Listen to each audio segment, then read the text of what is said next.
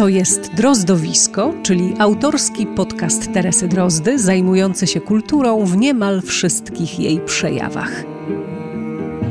Drozdowisko to teatr, literatura, piosenka i film. To rozmowy z twórczymi ludźmi. To kulturalne podróże po Polsce i Czechach. To wspomnienia o ludziach kultury i dużo archiwaliów.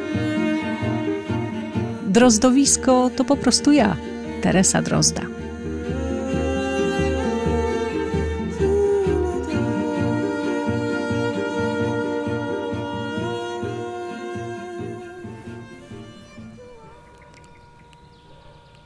Dzień dobry. Dzień dobry. To już ósme drozdowisko. Witajcie. A że e, premiera tego odcinka ma miejsce w Wielkanocną Niedzielę, pozwólcie też, że złożę wszystkim serdeczne życzenia e, zdrowia, przede wszystkim zdrowia i tego, żeby dalszy ciąg tego roku był piękny jak wiosna, lato i jesień razem wzięte. No a zanim zaczniemy, e, posłuchajcie sobie przez chwilę wczesnej podwarszawskiej wiosny.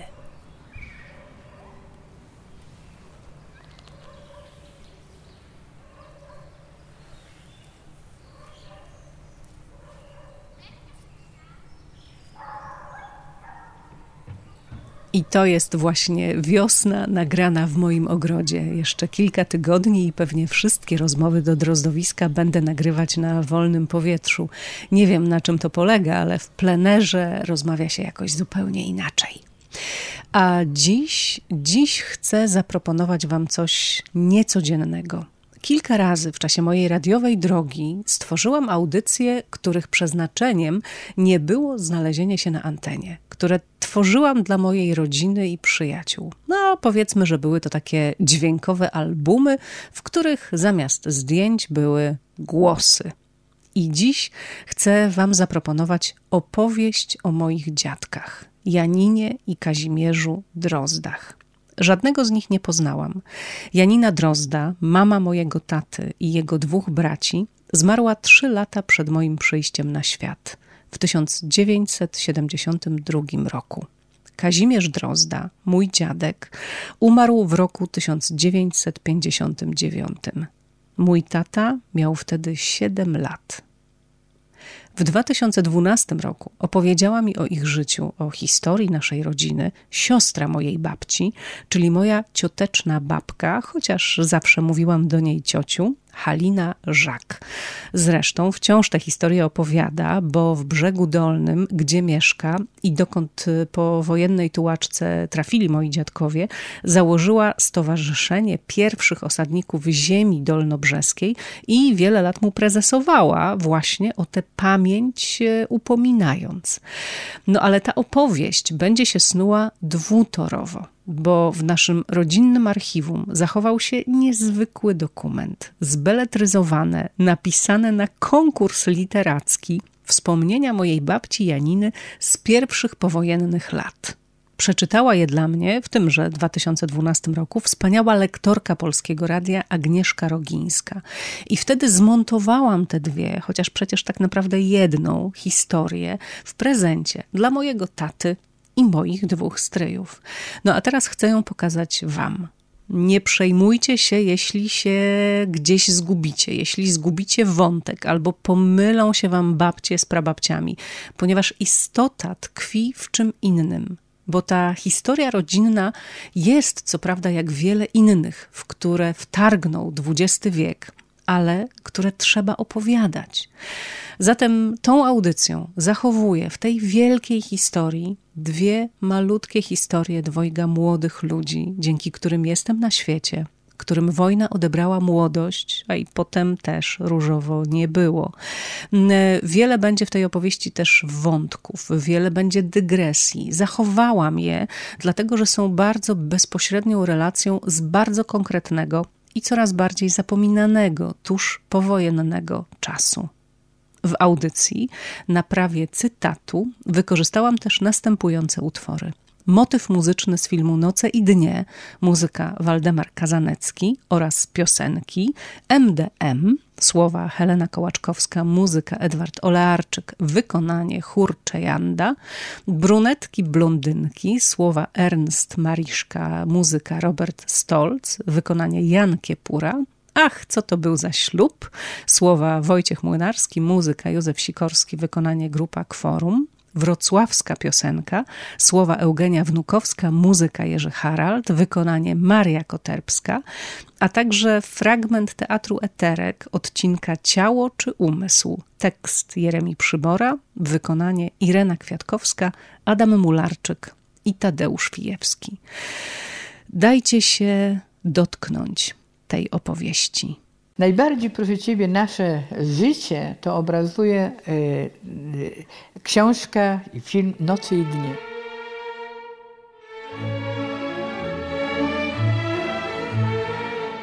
To jest zupełnie, proszę Ciebie, tak jak właśnie babcia, prababcia Stasia i tak on taki bardzo umiłowany, proszę Ciebie, w ziemi bardzo.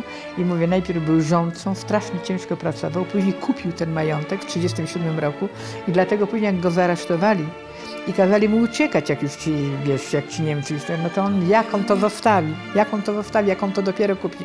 To taki niechcieć, zupełnie taki niechcieć. Tak, babcia cały czas kłóciła się z nim, bo chciała do miasta, mówi, ja pracownię jakąś otworzy, mówi, no ty, mówi ci sklep jakiś czy coś, no, no po co ci ta ziemia, po co te dziewczynki będą miały jakieś większe mm, pole do, znaczy, bo tu przyjeżdża, znaczy starał się ojciec, bardzo się starał o wykształcenie, tak już mówi, jako małe to już przyjeżdżali profeci, nauczyciele tam ich uczyli właśnie francuskiego, profeci uczyli gry na pianinie, obie, jedna i druga uczyli się, no ale, ale babcia nie lubiła, nie lubiła ziemi, nie lubiła wsi, w ogóle nie tak bardzo, bardzo chciała do miasta, a ojciec dla niego ziemia to było, wiesz, wszystko. No i tak zginął przez tą ziemię, bo gdyby uciekł, to by może mu się udało, tak jak ten, ten wujek w Anglii, czy drugi taki wujek w Trijecznym brat w Niemczech, powiedzieli też, bo był policjantem przed wojną i też mu się jakoś tam udało, powiedzieli, później dostać do Niemiec. A ten, proszę Ciebie, wrócił, zaczął, zaczął zbierać te swoje krowy, świnie, proszę Ciebie, to wszystko, no i, i, i zginął, proszę Ciebie.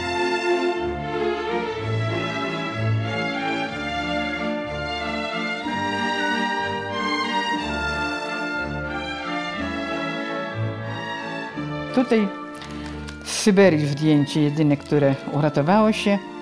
Babcia tam pracowała w takiej spółdzielni krawieckiej.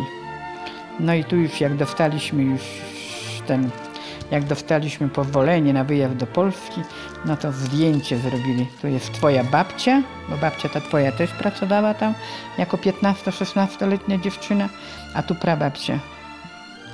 No i tu Rosjanie, oni razem tam z nimi pracowali na pamięć rosyjskiego nie uczyłaś się. Bułynko, Stanisławie Andrzej, od roboczych, od robotnic wspólnie przeżytych tam. Kowulka, 44 rok. No. Nas wywieźli na Syberię w w 1941 roku, dzień przed nalotem Niemiec na Polskę. Właśnie jak już nas wieźli na Syberię, to już Niemcy bombardowali i ostatnie wagony nasze, które jechały na Syberię, zostały zbombardowane i gdzieś tam znalazł ktoś taki płaszcz, jaki babcia podobny miała i wszyscy mówili, że nas zabili.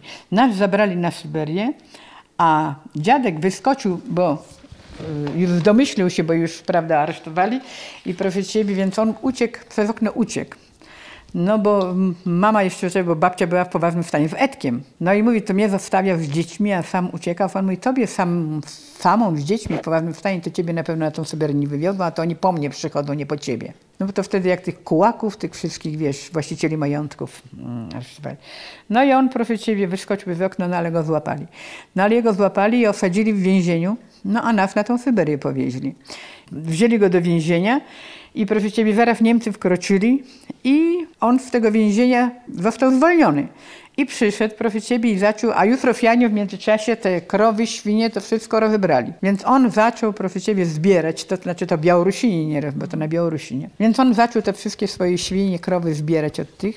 No i pół roku, dopóki byli Niemcy tam gospodarzy. I później drugi raz, jak go zebrali, no to już słuch po nim w ogóle zaginął. Tak pisała babcia dwa razy do Moskwy, jak wróciliśmy do Polski, no to pisali sprawa w toku załatwiania. Sprawa w toku załatwiania, a później ostatnio napisali, że gdyby powrócił, to proszę dać znać. nie wiadomo, co się stało w ogóle, nie wiem. 9 maja 1945 roku. Na Ukrainie o tej porze są już upały. Wczoraj kąpałam się w Dnieprze i dziś mam temperaturę. Nie idę do pracy. Leżę w łóżku. O dziesiątej odwiedzają mnie koleżanki z naszej brygady. Przerwano pracę. Nadeszła bowiem upragniona wiadomość. Koniec wojny. W taki dzień nie można chorować. Zrywam się z łóżka i z koleżankami jedziemy ciężarówką do pobliskiego Zaporoża. Tu tłumy ludzi, orkiestra, tańczą na placach, ulicach, starzy i młodzi. Niewiele jest par mieszanych. Przeważnie tańczą ze sobą dziewczęta i kobiety. Dla nas, Polaków, zakończenie wojny wiąże się z drugim ważnym wydarzeniem. Wracamy do wolnej Polski. Powrót do kraju przez te lata łączył się w moich marzeniach ze spotkaniem z ojcem. Chociaż od 1939 roku ojciec nie dawał znaku życia i matka często popłakiwała, mówiąc, że prawdopodobnie sama będzie musiała nas wychować. Nie wierzyłam jednak, że ojciec mógł zginąć na wojnie. Zawsze wyobrażałam sobie, że będzie czekał na nas na dworcu, gdzieś w Polsce i powita całą naszą gromadkę. Na dworcu jednak ojca nie było i nie pomogły długie lata poszukiwań przy pomocy Polskiego Czerwonego Krzyża. No to jest babcia, ta Stasia, znaczy twoja prababcia, dziadek i twoja babcia. Miała pół roku, mama twojego taty. To są zdjęcia to w majątku. W każdym majątku były, proszę ciebie, dożynki organizowane. Nie? I to są właśnie dożynki u nas w majątku, więc dożynkowi, no i tam ci ziemianie tam w pobliskich tych majątków. Tu, tu dziadek, dziadek, proszę ciebie, hodował byki zarodowe i wysyłał do Holandii na wystawę. I tu właśnie stoi z tym bykiem, proszę ciebie, a tu później w kampanii wrześniowej, to jest, to znaczy to jest twój pradziad, pradziad, mhm. tak, w kampanii wrześniowej, prawda, w koszarach w Baranowiczach. Tu jest twoja babcia pierwsza komunia, twojej babci Janka. To jestem ja, a tu proszę ciebie właśnie ten twój pradziadek, Jan Bułenko. Mój ojciec i twojej babci ojciec, no, twój pradziadek. No, tu jest przed naszym domem, tu jadą do kościoła dziadek, babcia, tu twój pradziadek swoimi końmi. W ogóle bardzo, bardzo kochał konie i, i, i, i mama zawsze miała pretensje, znaczy prababcia, że na pierwszym miejscu zawsze konie składał. Wiesz? No. Tutaj proszę Ciebie, ponieważ był takim bardzo pracowitym i takim wielkim ziemianinem, który, który no, ciągle tam jakieś nowości wprowadzał w tym swoim gospodarstwie, no to jako przodujący ten rolnik na targach poznańskich w 1920 roku. To była taka taka wycieczka przodujących rolników ze wschodu, tam z Kresów. No i tutaj jest gdzieś tam dziadek, który, ten chyba tutaj zaznaczony, nie widzę w tych okularach, dobrze. To jest też majówka jakaś tam, no i tu jest twoja babcia i prababcia.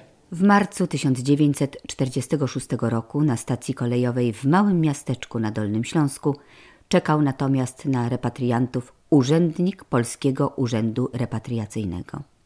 Otrzymaliśmy mieszkanie i kilkaset złotych zapomogi. Nasza rodzina składa się z pięciu osób. Ja jestem najstarsza. Mam 16 lat. Mieszkamy naprzeciwko szkoły. Dowiadujemy się, że szkoła funkcjonuje już od jesieni 1945 roku. Mama próbowała dostać pracę. W miasteczku jest około 3000 mieszkańców i zrujnowana fabryka. Do fabryki przyjmowali do usuwania gruzów ale tylko mężczyzn. Jeszcze nie wiadomo, czy będzie odbudowana. Są więc trudności z pracą dla kobiet. Tymczasem w czerwcu kończy się pierwszy rok szkolny w wyzwolonym kraju. Wakacje. Jesienią mama zachorowała. Nie można opierać egzystencji rodziny na zapomogach. Muszę zrezygnować z dalszej nauki. Idę do pracy. Sąsiadka nasza, litościwa pani prezesowa, załatwiła u męża, że zostanę przyjęta do pomocy w biurze w gminnej spółdzielni. Twoja babcia, cię, skończyła tę ósmą klasę, a chodziła do szkoły razem z takimi dwoma dziewczynami, Sienkiewicz miały na imię, y, które tak się bardzo bogaci byli po wojnie. Ojciec ich miał dom towarowy w brzegu. Ale tak słabo się uczyły. I Janka im pomagała tam mocno w matematyce i tego. A oni blisko nas mieszkali. On miał ten dom towarowy, no i kiedyś, prawda, widział, że, że u babci tak strasznie ciężko. Więc przyszedł, że, że tego, że wie pani, że on da babci pracę jako kafierka w tym, w tym domu towarowym no, że, żeby babcia pozwoliła Jance. No i, i, i tak jakoś babcia no, no zgodziła się. Janka też, mm, ona takie dobre serce miała, faktycznie Janka zgodziła się na to, no i zaczęła pracować w wieku tych 16-17 lat właśnie jako kafierka. Później, ponieważ sobie bardzo dobrze radziła jako kafierka, więc on profeciewie zrobił w niej zaopatrzeniowca. A w tamtych czasach zaopatrzeniowca był traktor, i dostawało się, bo tych pieniędzy było strasznie, strasznie dużo, bo to były takie, wiesz, to, więc cała teczka pieniędzy, traktorzysta i jechali gdzieś tam, prościej w Polskę po towar. Więc babcia, prościej w oknie, znaczy moja mama, znowu twoja prababcia, w oknie całe noce stały, jak ta Janka przyjedzie, bo to wiesz, i bandy równe, i 47, 8 rok. I ta biedna 16-17-letnia dziewczyna, proszę ciebie, z tym. 16 listopada 1946 roku Zapukałam do drzwi, gdzie widniał napis buchalteria. Pani buchalterka, osoba lat około pięćdziesięciu, spojrzała na mnie spod okularów i dowiedziawszy się o co chodzi, kazała napisać podanie i życiorys. Nigdy później nie pociłam się tak przy żadnym egzaminie, jak wtedy, przy pisaniu tego podania. Moja edukacja w zakresie szkoły podstawowej przebiegała w różnych okresach i z wieloma przerwami. Zwłaszcza pisownia pozostawiała więc wiele do życzenia. Wypadłam chyba jednak pozytywnie, bo po przeczytaniu życiorysu pani buchalterka zdziwiona była tylko moim wiekiem. Wyglądałam bowiem przynajmniej na 19 lat, podczas gdy, jak wynikało z życiorysu, miałam niecałe 17. Zostałam przyjęta do pracy. Byłam trzecią pracownicą biura. Do obowiązków moich, poza pracą biurową, której było niewiele, należało jeszcze sprzątanie i palenie w piecu. Sytuacja materialna rodziny trochę się poprawiła. Reszta rodzeństwa chodzi do szkoły. A jeszcze babcia, jak wróciliśmy, na ten, wróciliśmy w tej Syberii, Edek był strasznie, a strasznie chory ciągle. Z gardłem miał wielkie problemy. Zapalenie gardła i zapalenie gardła i anginy. Tego. No i ktoś babci powiedział, że jest taki dobry bardzo lekarz u nas. Babcia poszła w nim do tego lekarza. No, wybadał, no i usiadł pisać recepty, nazwisko pyta się. No i babcia mówi Błynko. A on mówi, a pani mąż jak miał na imię? A babcia, ja nic nie wiem o moim mężu, ja nic nie wiem o moim mężu, ja go nie widziałam już tyle lat, jest wystraszona no moim, na tą Syberię, to przez niego trafiła, mówi. Gdyby. A on widzi, że babcia taka strasznie wystraszona i mówi, Jan miał na imię? Ma babcia mówi, tak, ale ja nic o nim nie wiem, ja, ja, ja, ja przyjechałam dopiero, mówi, ja nic nie wiem. A on mówi, niech się pani nie, ba, nie, nie boi. Mówi, pani mąż to był mój najlepszy przyjaciel. Okazuje się, proszę ciebie, że y, mój ojciec, to znaczy twój pradziadek, jak był w tej szkole głównej w Warszawie, to miał praktykę u takiego studnika, takie nazwisko, prościej, który miał majątek jakiś tam wielki na wschodzie. On miał u niego praktykę. A ten lekarz to był jego wujek. I ten studiował medycynę i przyjeżdżał też tam na wakacje do tego majątku. I oni obaj w jednym wieku mówi, myśmy z pani mężem razem na panny chodzili. Mówi, a pani mówi, tak co się w nim dzieje? No i też tak babci wtedy bardzo, a bardzo dużo pomógł bo było tak jakoś, że od razu oczywiście Edka do samochodu, zawiózł do szpitala, zoparował mu te migdały. No i później tak się stało, że babcia zaczęła uczyć szyć tam poprzychodziły, jakie widziały, babcia tam dobrą miała opinię, taką taka dobra krawcowa. No i przyszły jakieś dziewczyny ze wsi, że chcą się uczyć szycia i babcia sobie nie bardzo wdawała w tego sprawy, że to ona gdzieś tam musi to meldować. Tam przyszły jakieś dwie czy trzy uczennice i zaczęły tam babcie mamgać szyć. A na tej ulicy była druga taka jakaś krawcowa, która nie miała za bardzo wzięcia. Więc zamędlowała to w urzędzie skarbowym. No i urząd skarbowy przyszedł, wiesz, zobaczył tę uczennicę, że bezprawnie, wiesz, uczy szyć podatków za to nie płaci. Że uważali, że jak uczy szyć, to znaczy, że robi, że bierze pieniądze za to i No i babcię zaaresztowali. Przesiedziała tam ileś chyba, nie wiem, na, na, na, na, na tym UB. No i ten lekarz właśnie właśnie, bo on to, to był taka, taka sława, taki bardzo, bardzo znany lekarz w powiecie. No i jemu się jakoś udało, wiesz, że tą babcię wypuścili. No oczywiście już, już, już później te, te uczennice pozwalniała. To było w Polsce już, jak wróciliśmy w 46 roku, 47. W Polsce już, jak przyjechaliśmy. No. I tak to jakoś się kręciło, widzisz. Do znajomych w miasteczku ciągle ktoś wracał z wojennej tułaczki. Tu syn, tam ojciec, tam brat. Było to już prawie w zwyczaju, że jeśli tylko gdzieś ktoś się odnalazł, a uważany był za zaginionego, schodzili się wszyscy znajomi, słuchali opowiadań gościa i wypytywali, czy nie spotkał przypadkiem kogoś z bliskich. Tak było też jednej zimowej niedzieli 1947 roku. Do Wróblewskich przyjechał najstarszy syn. Odnalazł się przypadkowo – Myślę, że historia ta warta jest, aby poświęcić jej więcej uwagi. Pani Wróblewska miała sześciu synów. Najstarszy z nich Władek był w 1939 roku w wojsku i później ślad po nim zaginął. Pięciu młodszych cały czas przebywało z matką. Nie miała z nimi większych kłopotów wychowawczych. Tylko najmłodszy, Mietek, który miał 11 lat, stale przysparzał zmartwień. Nie bardzo chciał się uczyć, ciągle gdzieś ginął, miał skłonności do manipulowania przy znalezionej broni czy granatach. I nie było na to lekarstwa. Pewnego dnia Mietek nie wrócił ze szkoły. Widziano go, jak wsiadał do autobusu jadącego w kierunku Wrocławia. Minął tydzień i mimo poszukiwań chłopca nie było. Aż tu gruchnęła wiadomość, że Mietek wrócił i to nie sam, a z najstarszym bratem Władkiem. Okazało się, że po kilkudniowym wałęsaniu się po Wrocławiu Mietka zatrzymała milicja. Zaprowadzono go do komisariatu i tu czekał, aż ktoś się nim zajmie. W międzyczasie do komisariatu zgłosił się po jakieś informacje przybyły właśnie do kraju z Włoch Władek Wróblewski.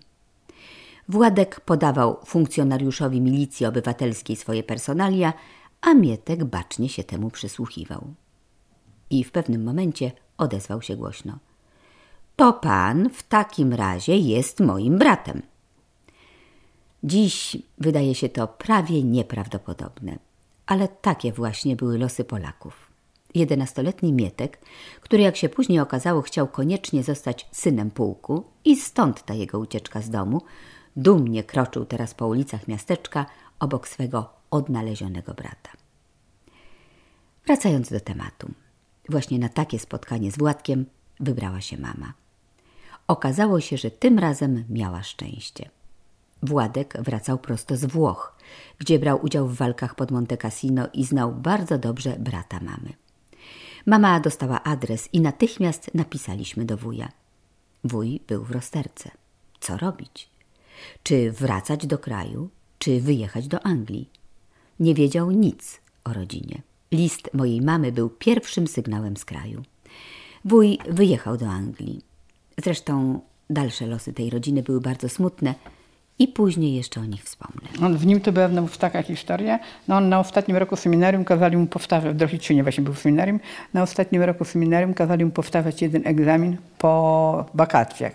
No i on oburzony, jak to ja mam powtarzać egzamin. On tam był naczelnym redaktorem takiego czasopisma Dzwonek Seminaryjny, no i taki bardzo wiersze pisał i w ogóle, więc mu ambicja nie pozwoliła mu na to i sutannę na kołku powiesił i przyjechał do, do babci, do majątku. A ponieważ rodzice już nie żyli, więc babcia nim się opiekowała i babcia po prostu w ogóle płaciła w to seminarium, go utrzymywała w tym seminarium. Babcia Stasia. Babcia Stasia. Babcia Stasia to była jego siostra rodzona, on był młodszy od babci. Jak w to seminarium porzucił, no to proszę ciebie, uczył, był katechetą w szkole i organistą w kościele, bo pięknie grał, pięknie śpiewał. Ja to było zaraz tuż przed wojną. No i jak w czasie wojny wszyscy, jak Rosjanie wkroczyli, wszystkich księży, organistów, wszystkich aresztowali. I jego też aresztowali, siedział w więzieniu w Baronowiczach. Później to więzienie zostało zbombardowane. No i on uciekł i dostał się do armii Andersa. No i z armią Andersa przeszedł cały ten szlak aż do Anglii. I tam był jednym z pionierów, prawda, tej Polonii angielskiej. Tam zakładał, prawda, to Towarzystwo Polonijne, chór polonijny. Tu dalej tu jest jego, prawda, są zdjęcia jak na 3 maja, jak tam przygotowuje uroczystości, jak, mm, jak chórem dyryguje i w ogóle. No. No ale później już nie miał szczęścia jakoś, wiesz, pięć razy się żenił i, i, i, i wreszcie umarł, proszę Ciebie. Ostatnią żonę wprowadził trzy miesiące przed śmiercią w Krakowa przez biuro matrymonialne, trzy miesiące pożył i umarł. No. Tymczasem zbliżała się wiosna 1947 roku. Na rozmarzającej Odrze piętrzyła się kra. Woda sięgała już do wałów ochronnych. Baliśmy się powodzi. Wojsko pracowało dni i noce przy wysadzaniu zatorów lodowych. Po pracy nad Odrą zbierali się wszyscy mieszkańcy miasteczka i z niepokojem patrzyli na straszny żywioł. Właśnie wtedy nad Odrą spotkałam Adama. Był wysoki, przystojny, z rumieńcami na twarzy, w wojskowej bluzie. Wiadomo było, że jest w miasteczku od niedawna. Wszystkich stałych mieszkańców znało się już z widzenia. Stał obok mnie i również przyglądał się pracy saperów. Raptem rozległ się ogłuszający huk i kra powoli ruszyła. No, to jesteśmy uratowani, powiedział do mnie Adam. I tak zaczęła się nasza znajomość. A dziadek twój, Kazik Drowda, był w armii tej w Kościusz, u kościuszkowców. Ponieważ pięknie pisał, bardzo ładnie pisał, no więc był w kancelarii i zawsze profesjowie się śmiał, że przeszedł od Lenina do Berlina, ale ani razu nie wystrzelił, bo on ciągle był w biurze, w kancelarii, ciągle pisał. Ale mówi, zawsze najwięcej kwiatów dostał, bo był bardzo wysoki, przystojny, więc jak, jak w czterech pancernych jest. Jak wkraczają do, do każdego jakiegoś tam miasta, wsi, nie, no to wszyscy witają ich kwiatami, to on w pierwszej czwórce szedł zawsze, więc zawsze prosili jego kwiatami obsypywali. No i ciebie, on pracował znowu, jak, jak przy, przyjechał, do, pracował, to był taki ośrodek maszynowy, jakieś tam właśnie były takie jakieś traktory. W ten sposób się poznali mama e, z, z tatem. No i mama, wiesz, zakochała się mocno, znaczy mama, mówię, twoja już, wiesz, babcia miała 17 lat, proszę ciebie, i, i, i z płaczem, że, że oni chcą się pobrać, że babci Stasi będzie lepiej, że to, a oprócz tego to jeszcze tak się jakoś złożyło, aha, ten y, dziadek dostał y, mieszkanie duże tam na alei jako wojskowy, mają mieszkanie, więc, więc no, no i tak się pobrali.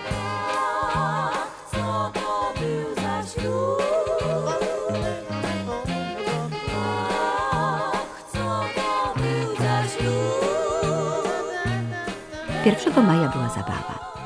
Zabawę przygotowywała nasza spółdzielnia. Miałam obowiązek być kilka godzin w bufecie. Adam był na zabawie. Poprosił mnie do tańca. Dowiedziałam się, że pracuje w fabryce. Już jest decyzja, że fabryka będzie rozbudowana. Adam był żołnierzem Armii Wojska Polskiego imienia Tadeusza Kościuszki. Pochodził z Tarnopola. Brał udział w zdobywaniu Berlina. Obecnie przyjechał do rodziny, no i zatrzymał się na stałe. Koleżanki mnie obserwują. Widzę, że trochę zazdroszczą. Niewielu jest chłopców po wojnie, a ten do tego jeszcze taki przystojny. Lato 1947 roku było dla mnie przyjemne i szczęśliwe. Adam miał piękny głos, grał na gitarze, śpiewał. Sytuacja materialna w domu też się poprawiła. Za zarobione pieniądze kupiłam sobie torebkę konduktorską, kostium, krótka spódnica i szeroki żakiet i ładne buty. Noszę długie warkocze. Mama obiecuje, że w zimie mogę sobie kupić buty oficerki. Wprawdzie podobno we Wrocławiu oficerki już przestają być modne, ale u nas to jeszcze naprawdę szał. Biuro nasze rozrasta się. Mamy już telefon, zatrudniamy sprzątaczkę no i mam kilka koleżanek. Ziuta jest starsza ode mnie o 8 lat i ma przedwojenną maturę. Władzia ukończyła dziesiątą klasę gdzieś na wschodzie. Zdzicha ma małą maturę. Ja jestem najmłodsza i mam ukończoną niedawno siódmą klasę. Koleżanki, które ze mną kończyły siódmą klasę, uczą się dalej. Często je spotykam, ale na razie uważam, że jestem w dużo lepszej od nich sytuacji. Pracuję, mam chłopca, mogę chodzić na zabawy, no i nie muszę się bać nauczycieli. Adam często wyjeżdża w teren, organizuje zebrania, dużo pracuje społecznie. W 1948 roku postanowiliśmy się pobrać. Ze wszystkich moich koleżanek właściwie pierwsza wychodziłam za mąż. Ach, co to był za ślub, chciałoby się zaśpiewać.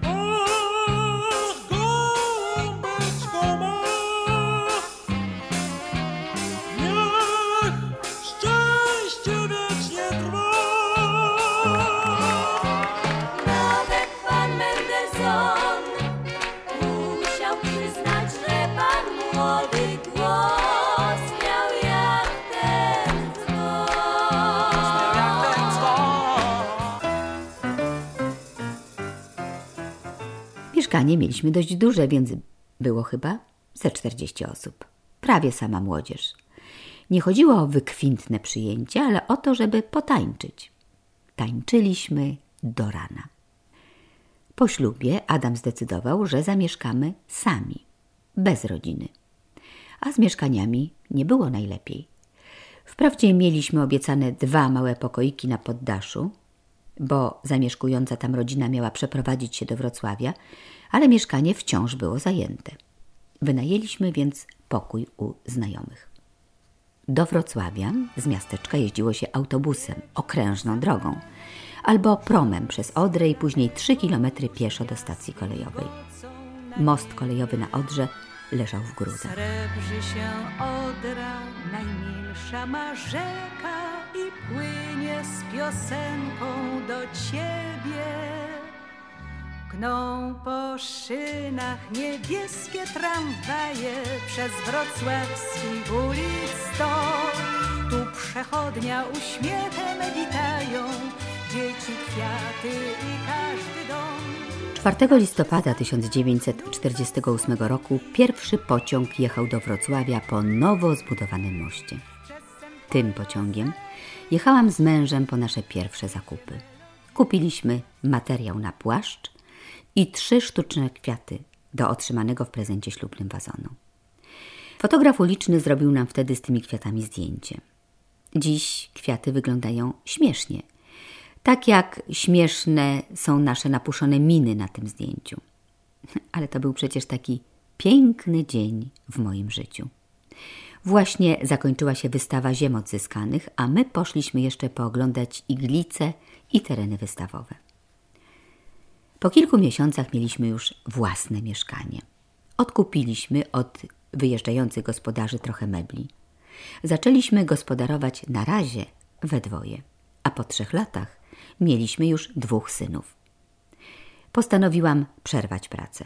Mieszkaliśmy na peryferiach miasteczka. Do żłobka i przedszkola były trzy kilometry i żadnej komunikacji miejskiej. Na moje miejsce przyjęto w biurze pana, który studiował ekonomię we Wrocławiu. Po raz pierwszy pomyślałam o swoich siedmiu klasach i czy rzeczywiście moja edukacja powinna się już skończyć. W domu trudne, monotonne życie. Koleżanki odwiedzają mnie rzadko, mamy małe mieszkanie, a tu już rodzinka powiększyła się o jeszcze jednego syna. Jest nas więc już pięcioro. Dziadek Kazik bardzo, a bardzo dbał o takie rodzinne o takie ciepło rodzinne. Tam na przykład zawsze, Ciebie, zawsze w niedzielę, zawsze śniadanie, obiad, kolację razem. Zawsze, proszę Ciebie, do kościoła, wszyscy, cała rodzina do kościoła. Przychodzili z kościoła, był ten obiad. Wieczorem wszyscy obowiązkowo klękali do modlitwy, cała piątka. Jak to był okres Bożego Narodzenia, on pięknie śpiewał, przepięknie śpiewał, przepięknie grał na akordeonie, przepięknie grał na gitarze, na mandolinie. W ogóle był bardzo uzdolniony muzycznie i no, no pięknie. Więc śpiewali kolendy, proszę Ciebie. Jak post, to śpiewali jakąś pieśń postną. Jak śpiewali, jak maj, to mat, do Matki Boskiej, proszę Ciebie. On bardzo, a bardzo to tak przestrzegał, kultywował, tak, tak dla niego to... No. No, no i, i, wydaje mi się, że może tak to później tak owocowało, że oni tak jakoś umieli to rozróżnić. Taki trzymali się razem zawsze i tak, mimo to, że każdy miał inne zainteresowania. To nigdy nie pamiętam, że były jakieś takie wojny w domu. Każdy miał swoje. Każdy miał swoje, prawda, Jerzyk wiadomo, że siedzi w piwnicy i coś tam zawsze reperuje i coś tam robi. Stasie siedzi zamknięty w pokoju i śpiewa i to zawsze on musiał, przychodził ze szkoły, brał gitarę i musiał się wyśpiewać, a Tadek ciągle albo coś pisał, albo w harcerstwie działał, bo działał w harcerstwie bardzo, działał w kabarecie szkolnym przecież, w liceum właściwie zakładał już te, te, ten kabaret, w którym on występował, że on zawsze artystycznie. Odwiedził nas kolega Adama Janek.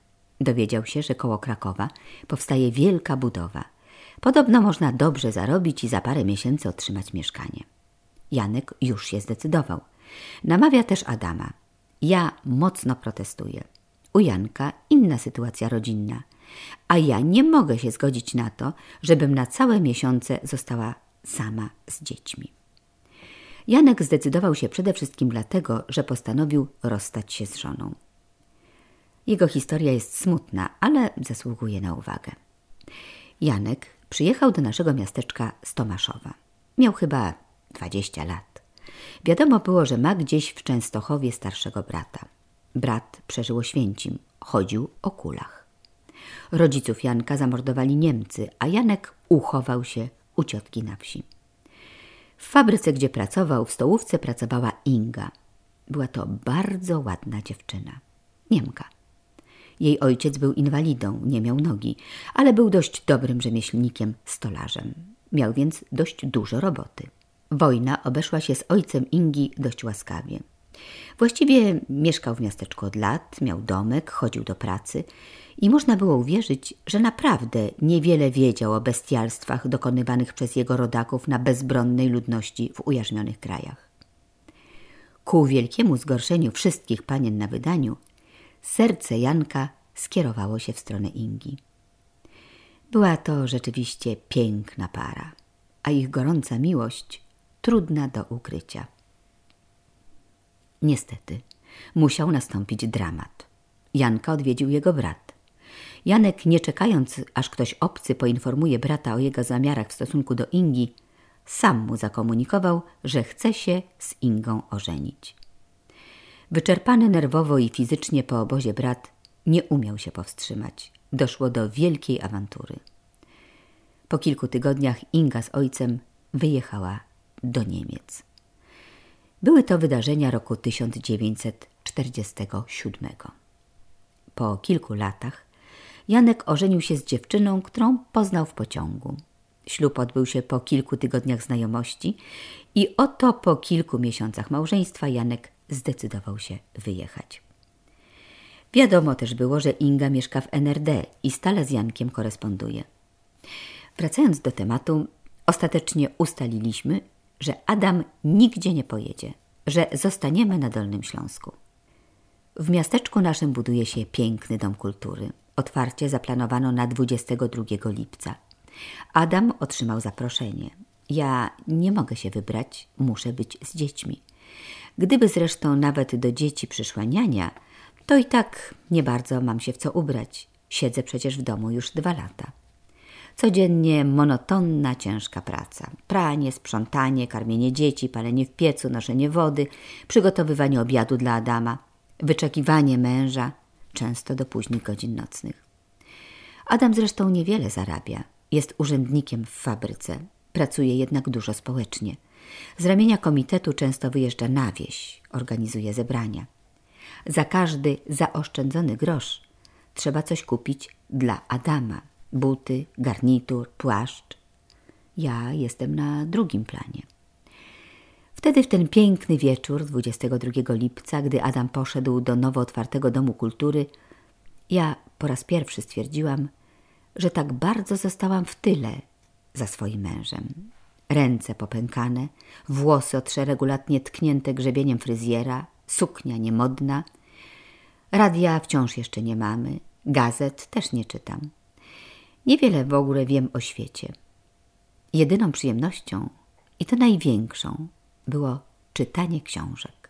Prus, Sienkiewicz, Dąbrowska i dziewczęta z Nowolipek Gojawiczyńskiej. Nieznane mi było pojęcie lektury. Czytałam te książki z rozkoszą. Jedno i drugie miało bardzo ciężkie młodość. Jedno i drugie. To zasadniczo no, oni w ogóle nie mieli młodości, bo oni od razu wkroczyli w to, w to poważne życie. Ten miał chyba ile, 16, ile on miał lat, jak 16, 16 lat zdaje się, jak poszedł do wojska, Kazik, no a Janka w Syberii 10 lat, więc oni od, od razu ich spotkała ciężka charuba. I dlatego, proszę Ciebie, wkroczyli w dorosłe życie, dlatego wydaje mi się tym swoim dzieciom chcieli zapewnić taki prawdziwy dom bo oni nie mieli tego prawdziwego domu. Dla nich, dla nich dom to była ciężka praca, no bo to, no co to, do 10 lat to ile ona tym domem się nacieszyła, prawda? Chociaż zawsze jak, jak wspominaliśmy ten dom rodzinny, to one w takim, w takim te zdjęcia jak oglądaliśmy, a, a widzisz jeszcze co na przykład, jak wywozili nas na Syberię, to pierwszą rzecz, którą ona wpakowała, to chwyciła album rodzinny, stąd ja mam te zdjęcia. Ją nie interesowały jakieś tam lalki, jakieś tam, proszę, dziesięcioletnia dziewczynka. Album, album rodzinny. Dla niej to było najcenniejsze, co ona ma na Fyberię wziąć. Mówię, babcia mi chwyciła ten album rodzinny, mówi, przycisnęła, że ona tego nie da, wiesz. I, i, I, dzięki temu, proszę Ciebie, zachowały się te zdjęcia do tej pory. Fabryka w miasteczku rozbudowuje się. Matki z dziećmi do żłobka i przedszkola odwozi autobus. Dochodzimy z Adamem do wniosku, że muszę pójść do pracy. Wprawdzie rano całą trójkę trzeba mieć gotową do wymarszu o 5.30, no ale trudno. Najstarszy, Rysiek, idzie do przedszkola. Czarek i Jurek do żłobka. Idę do fabryki. Kierownik działu kadr proponuje mi pracę w księgowości. Opinię z poprzedniego miejsca pracy mam dobrą, a o wykształcenie nikt nie pyta. Rozpoczynam nowy rozdział w moim życiu. Jadę po raz pierwszy do Warszawy. Właśnie kończy się budowa Pałacu Kultury i Nauki. Wysiadam na dworcu głównym. Jestem trochę rozczarowana i jednocześnie chce mi się płakać. Wierszyków o Warszawie uczyłam się jeszcze przed wojną. I chociaż wiedziałam przecież, jak bardzo zniszczona jest Warszawa, widziałam kroniki filmowe, to jednak przekonanie się naoczne, że naprawdę tyle jest gruzów i tyle zniszczenia, doprowadza mnie do łez. Mam jak gdyby żal do siebie. Dlaczego właśnie teraz widzę stolicę po raz pierwszy? Na ulicy ruch szalony, rosną mury z każdej strony, a na planie piękne domy zadziwiają swym ogromem. Obok domów zieleń drzewa, w drzewach ptaki będą śpiewać i już wiem, i już wiem, to jest właśnie MDM. Adam dostał przydział na radio. Kupiliśmy piękny aparat marki Pionier w bakelitowej obudowie. Ileż przyjemności do domu wniosła ta mała skrzyneczka. Dzienniki, koncerty życzeń, słuchowiska, no i teatr Eterek. Pan profesor Penduszko, Mundzio i pani Eufemia. Teraz, ilekroć zobaczę na szklanym ekranie panią Kwiatkowską albo Tadeusza Fijewskiego, słyszę jeszcze ich głos z teatru Eterek. Ja myślę, że tylko pan profesor mógłby mundeczka e, golą dłonią. O, o, zaraz. Niech pani was... Tak. A. Muncio, gdzieś był? No, proszę. No powiedz już panu profesorowi i mamusi, gdzieś był, brzydki chłopaczku. O, o, odrabialiśmy z Felkiem mimochodkiem lekcję u, u niego. E, I od tego tak ochrypłeś. No, dlaczego kłamiesz? Co? Ja kłamię? No, ktoś z nas tu musi kłamać. Albo ty, albo ja. No, a pan profesor na, na pewno nie? Jak śmiesz, mundeczku. Jesteś bezczelnym chłopcem i byłeś na meczu. Panie profesorze, tylko nie tak ostro. Mógł pan profesor powiedzieć to samo oględnie. Co takiego? Oględniej? Jak wyjeżdżaliśmy na Syberię, to twoja babcia miała wtedy lat 10. Ciotka Niusia miała lat 9, ja miałam półtora roku i babcia była w trzecim miesiącu ciągu wyzetkiem. No i proszę Ciebie, jak przyjechaliśmy na tą Syberię, to zasadniczo cały ciężar prawie spadł opiekuńczy na twoją babcię dziesięcioletnią. Ona chodziła do, taj, no, do tajgi po, po czeremsze, czeremsze, taki dziki czosnek. Ona chodziła po jagody, po grzyby, no bo babcia ciężarna i wiesz, i, i jeszcze ja półtora roczna, wiesz, więc zasadniczo żywiła nas, że tak powiem. Jak babcia urodziła Edka, Urodziła go w styczniu, więc w 45 stopni mrozu, więc babcia, proszę ciebie, pieluchy prała w śniegu, pieluchy, szmaty, owijała wokół siebie, tak je suszyła, więc strasznie rozchorowała się i znowuż na mamę spadł cały ciężar opieki nad nami. No i proszę ciebie, i później dostała strasznie wysokiej temperatury. Więc jakieś tam małżeństwo rosyjskie Edka zabrało, bo mówi, że i tak umrzesz i tak, a oni nie mieli dzieci, więc to nie wychowają. No ale, ale później jakoś tak babcia coraz to lepiej i lepiej zaczęła tego, a w międzyczasie właśnie wujek ten w Anglii, ten co był w armii Andersa, odnalazł babcię, bo to akurat zaczęły powstawać te wojska, no i, i rodziny wojskowych mogły dołączyć do tej armii Andersa i razem z nimi pojechać, wiesz, na ten. No ale babcia była tak słaba po tym porodzie, że nie mogła po prostu jechać. Musiała zostać. No więc on zaczął, prawda, przysyłać jakieś tam paczki, jakieś tam mleko, jakieś w proszczku, jakieś tam konserwy, jakieś tam kasze, jakieś coś. No i w ten sposób babcia już miała dla siebie i miała też tym, tym e, Rosjankom, które tam w szpitalu tam nią się zajmowały, dawać i tak, jakoś wie, doszła do siebie. No ale w tym Edkiem cały czas prościej chodziła do, do, do szwalni i szyła, a mną się zajmowała właśnie twoja babcia i Niusia. Chociaż była bardzo, a bardzo zdolna i proszę ciebie, chodziła biedna do, do, do, do, do szkoły, rano do szkoły, wieczorem do tajgi, żeby, żeby jakoś do tego. No później Pojechaliśmy na, na, w 1944 właśnie, przywieźli nas na Ukrainę. No, a jeszcze taka śmieszna była historia, tam Rosjanie ani rusz nie chcieli babcię wypuścić w tej, bo babcia no tak dobrze tą, tą szwalnią e, zajmowała się. Więc proszę ciebie już wszyscy Polacy spakowani i już mieli wyjechać. A szwalnia, w której mama pracowała, remont przechodziła. No i po tym remoncie wszystko ustawiają na miejsce, jest tam gdzie tego, a zginął portret Stalina. No i nic, tylko prościej, że widocznie Palaczka, że widocznie Polka, babcia, ten zniszczyła ten portret Stalina. Więc powiedzieli, że bo dokumenty, bo babcia, jak wyjeżdżaliśmy na tą Syberię, to została wskazana od razu jako wróg e, e, komunizmu, czy tam gdzieś tego, na 25 lat w Syberii. I wszystkie papiery zostały zabrane, dokumenty. Więc y, jak ten dogovor polsko-rosyjski, proszę ciebie, nastał, no to musieli oddać te dokumenty, żeby Polacy mogli wrócić. A powiedzieli babci, nie oddadzą, dopóki się nie znajdzie w Stalin bo ona Stalina widocznie zniszczyła. A to wiesz, ktoś z tych Rosjan specjalnie wiesz to. No i babcia dzień i noc przed Matką Boską, tą Ostrobramską i modliła się i modliła się i wszyscy już tego, a babcia nie, nie. No i, i wszędzie, gdzie tylko tego Stalina, proszę Ciebie, szukała i szukała i, i, i Stalina nie ma i nie ma, a wreszcie okazało się, proszę Ciebie, mówi babcia, tam w tej szwalni wszystkie te ścinki, które z tego, co z tych materiałów, to wkładali do takich beczek. Wiesz, I to gdzieś tam później wywozili na, na tą makulaturę czy coś. No i babcia mówi, któryś nocy przyszło jej oświecenie we morze właśnie w tych, no bo wszędzie przeszukała i nie ma. I faktycznie mój poszła, mój wyrzuciła te wszystkie beczki, a w tej beczce mój Stalin mówi schowany. I mi w ten sposób mówi, w ostatniej chwili udało jej się do tego wyjechać z tej Syberii, prawda, bo aha, jeszcze gdzie byli? Byliśmy w Koło Krasnojarska. W miasteczku buduje się duży gmach technikum. Czy ja rzeczywiście powinna pozostać ze swoim podstawowym wykształceniem? Dzieci już większe. Rysiek idzie do pierwszej klasy. No i prościej później pojechaliśmy na takie odżywienie, no, wzięli na rok na Ukrainę. No i byliśmy na Ukrainie, w tym Zaporożu i tam w Zaporożu znowuż babcia musiała iść, znaczy twoja babcia, znowuż, bo mama, no Edek miał 3-4 lata, więc, więc też nie mogłeś nigdzie pracy żadnej podjąć, a wszystkich Polaków kierowali do pracy do kołchowu. A ten Kołchow, bo to mieszkaliśmy w Zaporożu, a ten Kołchow był na wsi gdzieś tam ileś tam kilometrów oddalony od tego.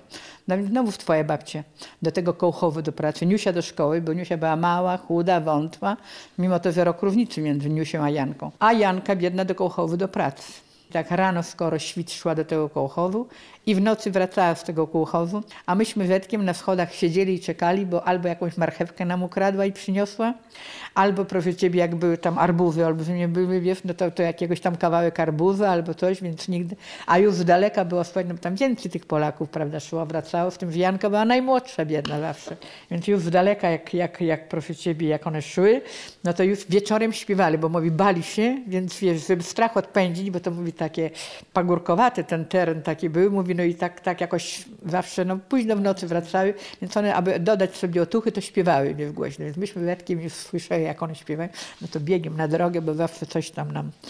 No i tak na tej Ukrainie, proszę Ciebie, Niusia przynosiła ze szkoły te zeszyty, co się uczyła i babcia Janka i tak się uczyła, że później proszę Ciebie poszła na te egzaminy i zdała tam celująco siódmą chyba klasę czy szóstą, jak szóstą, tak, bo przyjechała do siódmej, tutaj ją przyjęli. Postanawiamy z Adamem rozpocząć naukę w zaocznym technikum.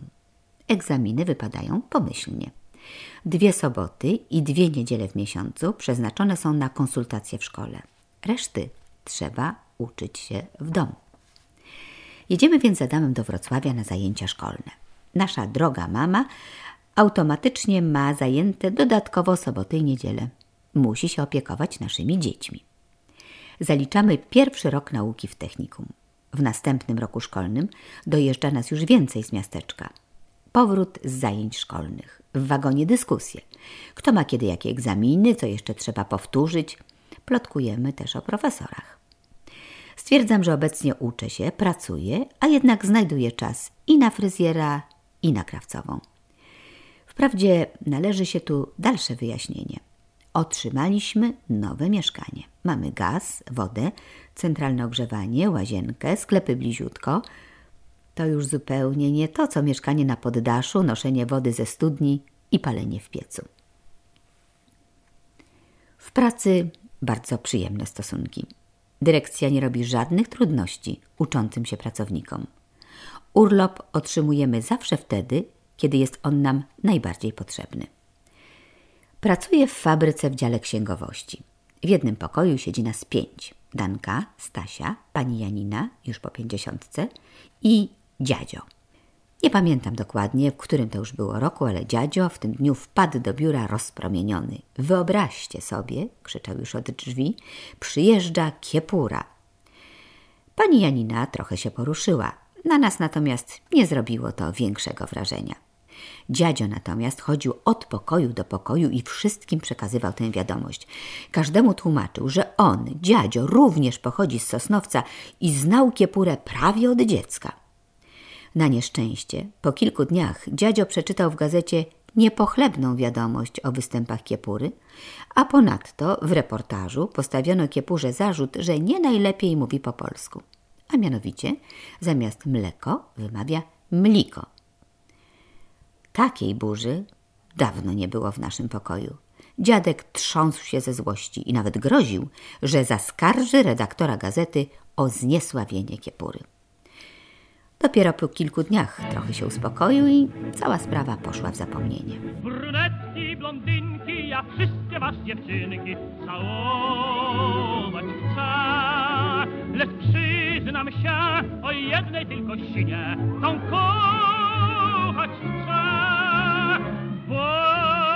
Ta jedyna słodko ma dziecina, jej czar znam i dlatego tylko jej jedyne serce dam. Jesteśmy z mężem już w ostatniej klasie technikum. Jest jesień, na wiosnę matura. Pewnego popołudnia Adam później wrócił z pracy. Miał zebranie. Byłam bardzo niezadowolona, że tak długo nie wracał. Na popołudnie był bowiem ustalony czyn społeczny mieszkańców naszego bloku. Mieliśmy uporządkować przed zimą trawniki i przekopać rabaty. Poszłam więc ja do grabienia trawników, ale słyszałam ciągłe docinki sąsiadów, że mąż celowo musiał się gdzieś zapodziać. Po powrocie Adam nie zareagował na moje uwagi odnośnie późnego powrotu.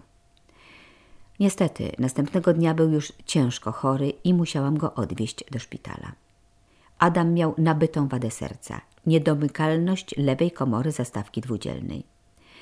Wprawdzie trochę musiał uważać na siebie, ale dotychczas jakoś dłużej nie chorował. Obecnie jeżdżę na zajęcia do technikum sama. Po zajęciach wstępuję do szpitala.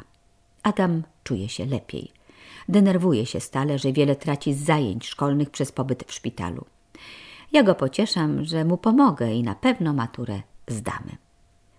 Po trzech miesiącach pobytu w szpitalu Adam wraca do domu. Dzieci oczekują tatusia z niecierpliwością. Jaka przyjemna, rodzinna atmosfera. Bardzo lubiani byli przez ludzi i właśnie, aha, no i, i ten właśnie, jak Kazik zachorował, m, ileś tam czasu leżał w szpitalu i później przyjechał z tego szpitalu do domu, no i tak strasznie dużo ludzi przyszło go odwiedzać, wiesz. Strasznie dużo ludzi go przyszło odwiedzać do, do, do, do tego, bo leżał we Wrocławiu chyba wtedy, wtedy w klinice jakiejś kardiologicznej. I tak go proszę ciebie i, i wreszcie wieczorem już wyszli ostatni i Janka mówi do, do, do Kazika, no już połóż bo już tyle tych, tych, tych, tych znajomych już cię tak wymęczyli. I tak. No i, i Kazik się położył do łóżka, a, a Janka, proszę ciebie, jeszcze tam sprzątała jakieś tam filiżanki, coś tam, no bo częstowała ich jakimś tam herbatą. Nazajutrz przychodzą odwiedzić Adama znajomi. Opowiadają, że naczelny inżynier fabryki kupił samochód, syrenkę. Jest to pierwszy prywatny samochód w naszym miasteczku. Chociaż miasteczko liczy już 12 tysięcy mieszkańców. Mija trzeci dzień po powrocie Adama ze szpitala. Wieczorem rozmawiamy o zbliżających się świętach Bożego Narodzenia. Trzeba dokupić trochę ozdób na choinkę. Muszę upiec więcej ciasta, bo raczej nigdzie nie pójdziemy. Natomiast nas odwiedzi rodzinka. I Jerzyk, tato twój, wybiegł bosy do łazienki. I Kazik się strasznie zdenerwował i krzyknął, że dlaczego on bosy biegnie. No i naraz tak jakoś cicho się zrobiło. No i proszę ciebie, Janka pobiegła do sypialni, a patrzy, a ta, ten nie może już w ogóle mówić cały, wie, wylew ścinę, połowa wylekł do mózgu. No i na górze mieszkał tam nad nimi felczer taki, więc od razu jest do samochodu dziadka i pojechał do szpitala, no ale już nie odzyskał przytomności. Adam idzie do sypialni, a ja jeszcze sprzątam naczynia po kolacji. Za chwilę wchodzę do pokoju. Pytam Adama, czy nie śpi. On się nie odzywa. Zapalam światło. Adam leży bez ruchu na łóżku. Przerażona wołam lekarza. Przyjeżdża karetka. Zabierają Adama do szpitala. Mnie do karetki nie chcą zabrać. Biegnę w nocy do jedynego posiadacza syrenki w miasteczku. Jedziemy do szpitala. Adam dostaje tlen, zastrzyki. Nad ranem umiera.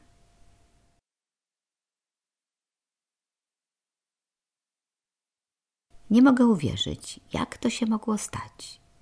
Jeszcze kilka godzin temu mieliśmy tyle marzeń, planów na przyszłość. Dlaczego nie można cofnąć czasu?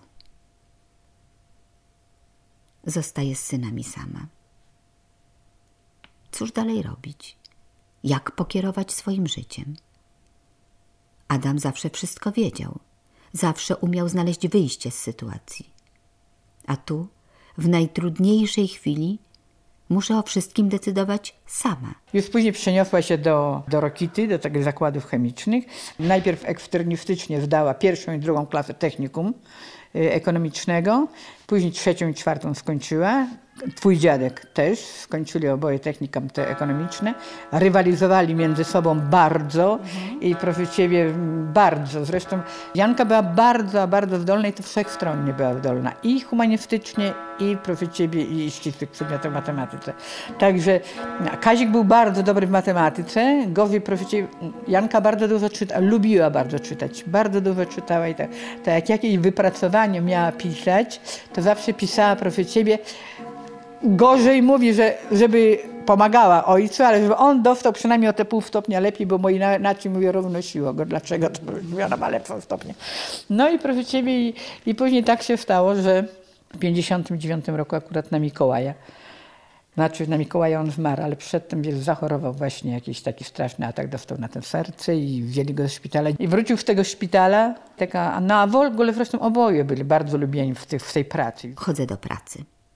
Wszyscy pocieszają mnie jak mogą. Skłania mnie to jeszcze bardziej do łez. Jaki sens ma życie? Czy warto się w ogóle uczyć? Z technikum przyjechała delegacja koleżanek i kolegów. Namawiają mnie gorąco, żebym nie rezygnowała z nauki. Jadę na pierwsze zajęcia. Serdeczne słowa współczucia od profesorów. To naprawdę byli wspaniali ludzie. Ci nasi wykładowcy z technikum.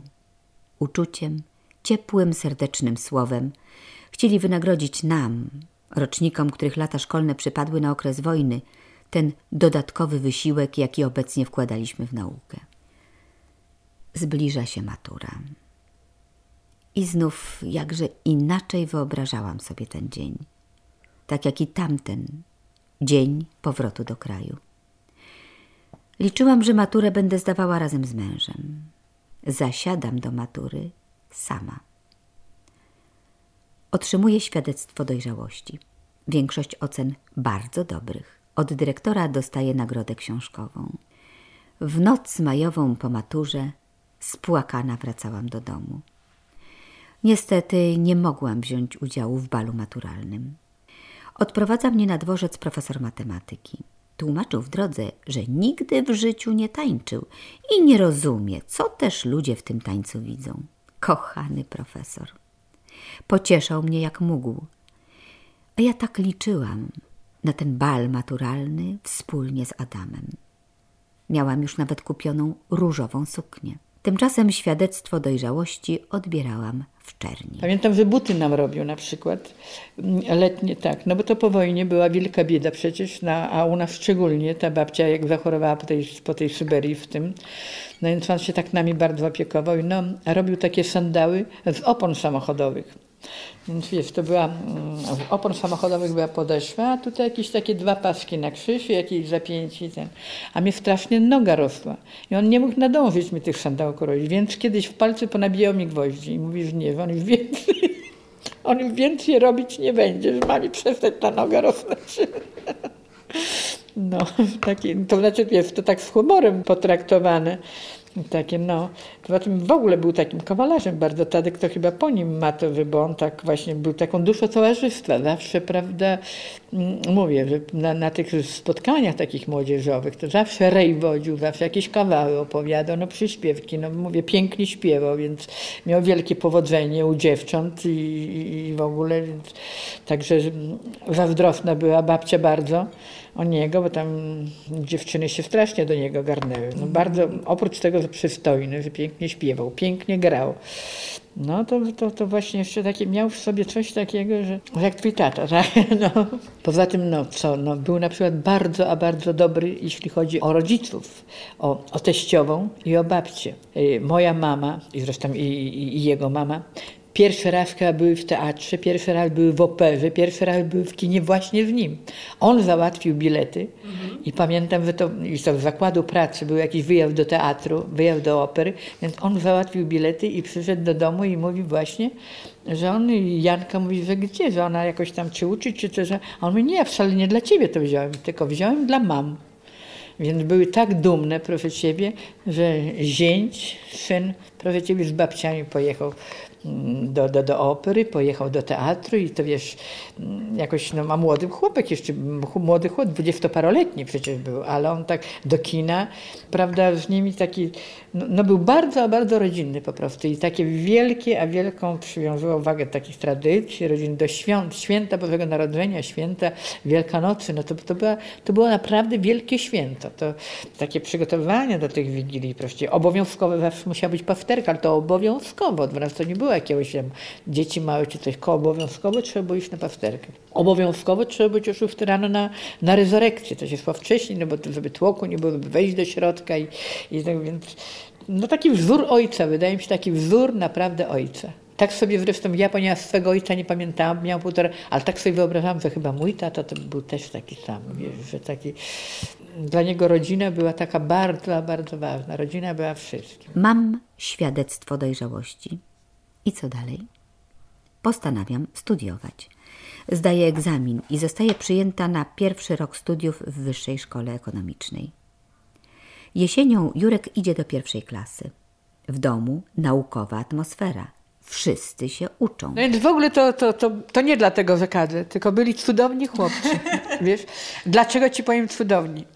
Bo proszę ciebie, chłopcy, którzy po prostu jakoś rozumieli to, bo przecież kiedy umarł y, y, ojciec ich, no to twój tata chodził do klasy pierwszej, wujek Staszek chodził do trzeciej, a Tadek chodził do czwartej klasy.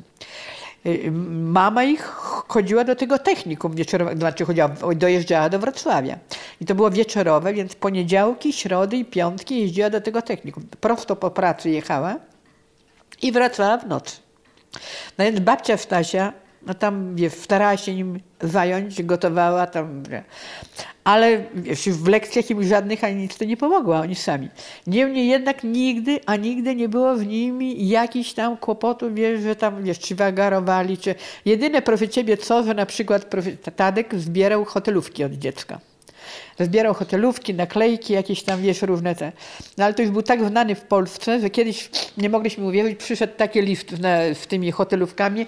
Tat Drost Poland z Australii. To przyszło do brzegu, do jego do domu, wiesz. No. A, a, a, a proszę cię, ponieważ wiesz, równie kończyli lekcje, bo w równym wieku było. Więc kiedyś babcia przychodzi gotować im, i, i, im ten obiad, a na drzwiach kartka, klucz pod wycieraczką. Wiesz, no i proszę ciebie, babcia patrzy, faktycznie, klucz pod wycieraczką, wiesz. Więc tacy, e, tacy byli. Dyrektor fabryki zaproponował mi objęcie kierowniczego stanowiska. Tego, które poprzednio zajmował mój mąż. Zgodziłam się. Przyzwyczajam się powoli do nowej sytuacji. Siostra Marysia skończyła już studia. Pracuje teraz w technikum, chociaż z wielkim żalem żegnała swoją wiejską szkółkę. Jak zmieniło się nasze miasteczko od tamtych pierwszych lat. Tyle nowych gmachów, dom kultury, technikum, szkoła podstawowa, liceum ogólnokształcące, stadion sportowy, pływalnia – a jak rozbudowała się w tym czasie nasza fabryka, a w związku z tym i osiedle mieszkaniowe. Nie mogę uwierzyć, że można było żyć bez łazienki, ciepłej wody, centralnego ogrzewania. No, a, a Janka skończyła to technikum celująco, no i dostała się, proszę Ciebie, na to wyższe studia ekonomiczne i wtedy zresztą jej zapro, zaproponowali w Rokicie stanowisko dyrektora ekonomicznego, więc pracowała już jako dyrektor. Między innymi zrobiła te hmm, uprawnienia biegłego księgowego, proszę Ciebie, więc była tą biegłą księgową. No i był taki konkurs literacki. Moje pierwsze wspomnienia w pracy. I Janka dostała, to jest w Olsztynie, to słyszałaś już o tym może. I Janka dostała właśnie pierwszą nagrodę w kraju za, tą, za ten konkurs literacki. I proszę Cię, pamiętam właśnie, dostała, akurat ja, ja tam w Olsztynie u niej byłam i dostała, nie wiem, czy to było 2000, no w każdym razie prawie jej cała pensja, może nawet i więcej tą nagrodę. No i, i wreszcie, i mówi tak, to były wtedy te peweksy, więc zamieniła na, na te bony, wie, gdzieś tam mówi, Haluś, wreszcie zaszalejemy. Pierwszy rok studiów dobiega końca. Zbliżają się egzaminy. Z częścią przedmiotów jakoś sobie radzę. Mam jednak kłopoty z matematyką. Nie uczyłam się systematycznie w trakcie roku i teraz trudno to nadrobić. O swych kłopotach z egzaminami opowiadam koleżankom w biurze. Jest przy tej rozmowie jeden z technologów naszej fabryki – proponuje mi pomoc. Długie godziny spędziliśmy nad rozwiązywaniem zadań. Egzamin poszedł bardzo dobrze. Proponuję memu nauczycielowi wynagrodzenie za godziny poświęcone na moją edukację. Odmawia, a sprawę wyjaśnia w ten sposób. Maturę zdałem przed wojną. Po wojnie bardzo chciałem studiować.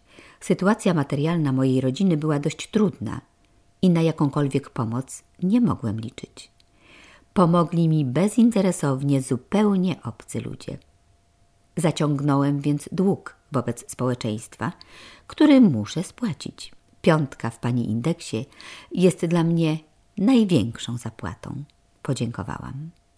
Słowa te utkwiły głęboko w mojej pamięci. Ja też zaciągnęłam dług, który też będę musiała kiedyś spłacić. Dwa e, ogniska rakowe. Jedno na rządach rodnych, które poszło później na kręgosłup, a drugie właśnie płuc, które poszło do mózgu. Ale to nie były przyrzuty, po prostu osobne. Ale ona nie, w ogóle nie chodziła do lekarza. Ona nigdy nie miała na to czasu. Ona nigdy nie miała czasu. I akurat, profecili, to było 7 lutego, to pamiętam jak dziś, 7 lutego, profecili w 72 roku, e, Tadek pojechał tam do Olsztyna, miał mieć jakiś występ. I później razem z nią mieli przyjechać do, Roki, do brzegu, bo Janka miała mieć badanie bilansu w Rokicie jako biegła księgowa. No i, i wreszcie wieczorem Tadek dzwoni i mówi, że mama nie przyjedzie. Ja mówię, a co się stało? Albo zabrało mamę pogotowie. No i zaraz w najbliższą sobotę, nie pamiętam już, który, jaki to był dzień, w którym zaraz w najbliższą sobotę z, Micha, z, z moim mężem, nie, z Michałem, dwójkiem Michałem, pojechaliśmy do Olsztyna. No i okazało się właśnie, że miała y, operację tych narządów rodnych, usunięte wszystko. I proszę Ciebie, była taka przygnębiona, ale z drugiej strony tam przy niej leżały jakieś tam panie, które też miały takie operacje, ale taka no raczej jakoś miała nadzieję, że, że, że, że to imię. Ale wychodziła z tego szpitala I tam gdzieś tam w papierach ponoć znaleźli, że, że, że brak prześwietlenia płuc, że to powinno wieć, wszystko być z tego, a tam oni prześwietlenie. No i zrobili prześwietlenie płuc i okazuje się, że jakieś tam plamy na tych płucach znaleźli. Więc ją y, zawrócili z powrotem do tego szpitala, że jakieś tam plamy, więc wysłali jakieś tam w sanatorium pod Olsztynem jest takie płucne, gdzieś tam ją do tego w sanatorium ją wysłali płucnego. No i później, proszę ciebie, w tym sanatorium, tam jak mnie rozgrzebali chyba, czy ja nie wiem, że, że ona mm, zaczęła już tak strasznie kaszleć, zaczęła krwią pluć. A Tadek właśnie wtedy już z Ewą chodził. No i, i Tadek właśnie nawet, mm, wiem, że, że nie bardzo jeszcze, ponieważ ona była chora, więc nie bardzo chcieli się pobierać, a Janka mówi, niech się pobiorą, bo przynajmniej jeden już będzie miał rodzinę. No i także przywieźli ją tutaj na ten ślub do brzegu, ale już zastrzyki brała, już przychodziła pielęgniarka, już ona naprawdę bardzo źle się czuła. Ale później do tego Gdańska, jak ją na, na, wysłali, do tej Akademii Medycznej, no to wyobraź sobie pierwszy miesiąc we wrześniu, ja dostałam sanatorium w Ciechocinku, no więc pojechałam tam do sanatorium, zameldowałam się tylko i pojechałam do Gdańska i tam byłam przy niej. No a później musiałam wrócić do szkoły. No to tam na, na, na tydzień chyba ciotka Niusia pojechała, no bo już ona już nie chodziła, nie wstawała i, i trzeba było tam być. Później ta ciocia wta, twojego dziadka Kazika, siostra Wtasia, pojechała tam, by, przy niej była. No i później już nie miał kto być. I wyobraź sobie, ten dyrektor OZOS-u, oddelegował pracownice dwie. Wynajął mieszkanie tam im jakieś i one, jedna była na noc, druga była na dzień. I kiedyś jakoś tak zetknęłam się z nimi i, i mówię, że jak to one zechciały obcą osobą tak się opiekować. I ona, i jedna, jedna gdzieś tam, ta Andrzejewska, pamiętam nazwisko do tej pory, ale ponoć miała jakieś tam wielkie kłopoty, że nigdzie ją do pracy nie chcieli przyjąć. I babcia Jancie ją przyjęła i zagwarantowała w nią, nie wiem, jakieś tam finansowe, jakieś tam zagwarantowała. I tam mówi, ja jestem dla niej tak bardzo wdzięczna, że ona zaufała mi, że ona mi przyjęła. A druga znowuż też, też jakieś tam miała takie, takie kłopoty i też ją babcia uratowała. No i proszę Ciebie, a ja jak jeszcze przy niej siedziałam, ona już straciła przytomność. Straciła przytomność i ciągle załatwiała. I myślała, że ja to jestem właśnie ta sekretarka. A tam leżała w separatce i tak e, w tej separatki było wyjście na korytarz i było wyjście do, do pielęgniarek. I tak przez korytarz, przez pokój pielęgniarek, tam do, do babci. I tak. Więc ja jak przyjrzałam u niej, to ona, Pani Zosiu, tam jeszcze w szufladzie są niezałatwione sprawy. Niech pani tam jest takie podanie. Ja prędko go podpiszę i proszę go wanieść tam do tego naczelnego. Dobrze? No więc proszę ciebie tam jakieś, ja brałam jakiś papier, leciałam dookoła, nie przychodziłam. Już pani to załatwiła? Ja mówię, to pani Zosiu, tam jeszcze ktoś tam czeka na coś tamtego. Pani Zosiu, to jest tam w szufladzie na tym, tam leży to, to w tym biurku. Niech pani to weźmie, niech pani prędziutko, bo wie pani, ja już nie będę miała czasu później. Niech pani prędko biegnie to. I tak mi bez przerwy, proszę ciebie, ganiały i te resztę spraw takich, wiesz, załatwiała.